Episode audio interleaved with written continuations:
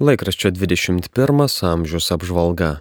Naujausiame 21 amžiaus numeryje Vaida Samuolytė praneša, kad Vilniuje baigti Vilniaus šventųjų Pranciškaus Asižiečio, Bernardino Seniečio bei Šventosios Onos bažnyčių ir Bernardinų vienuolyno statinių ansamblio Šventoriaus tvoros su vartais ir Kristaus laiptų koplyčios pietvakarių fasado sienos tvarkybos, remonto, restauravimo, avarijos grėsmės pašalinimo darbai.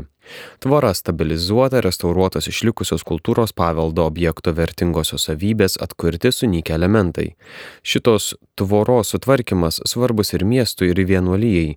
Visas statinių ansamblis, vertingas kultūros paminklas sulaukiantis didelio taip pat ir užsienio svečių, piligrimų dėmesio, o ta trukusi tvora badė akis kaip žaizda.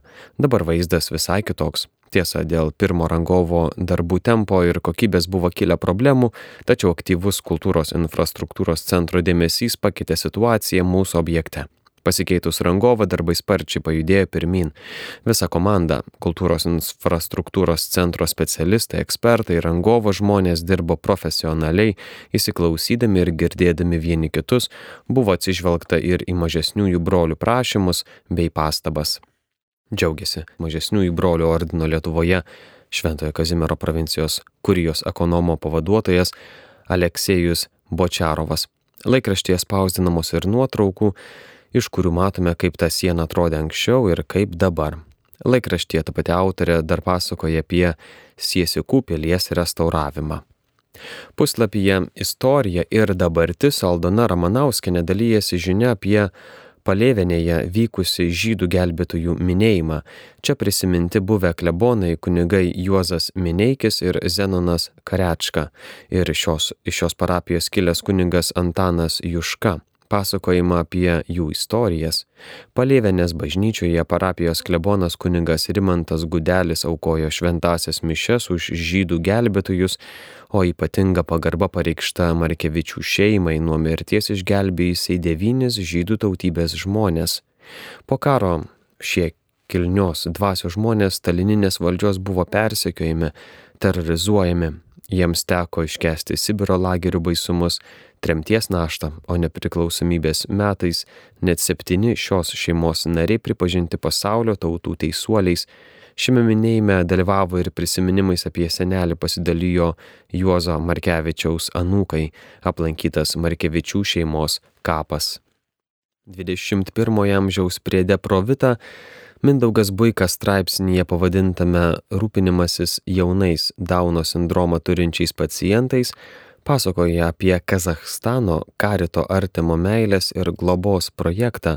Kazahstano karitas direktorius italų kilmės kunigas Gvidas Trečianis daug metų paštalaujantis šioje šalyje teigia, jog Dauno sindromą turintys asmenys dažnai laikomi per didelę naštą visuomeniai, nenaudingais ir netgi nevertais gyventi.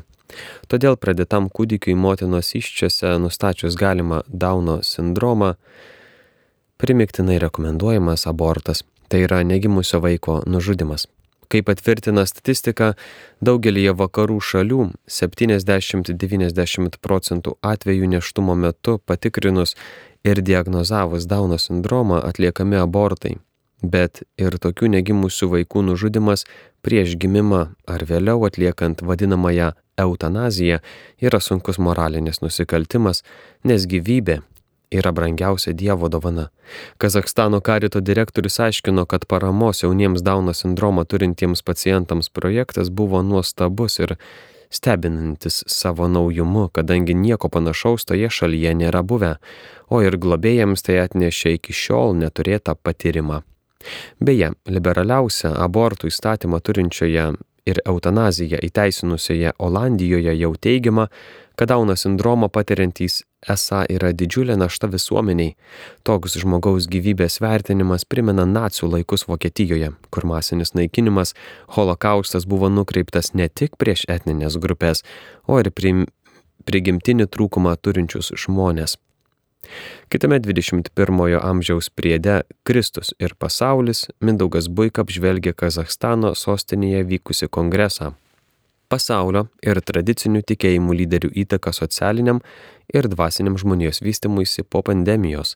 Jame pasirašyta tarp religinio susitikimo deklaracija ir popiežiaus pranciškaus išsakytus komentarus.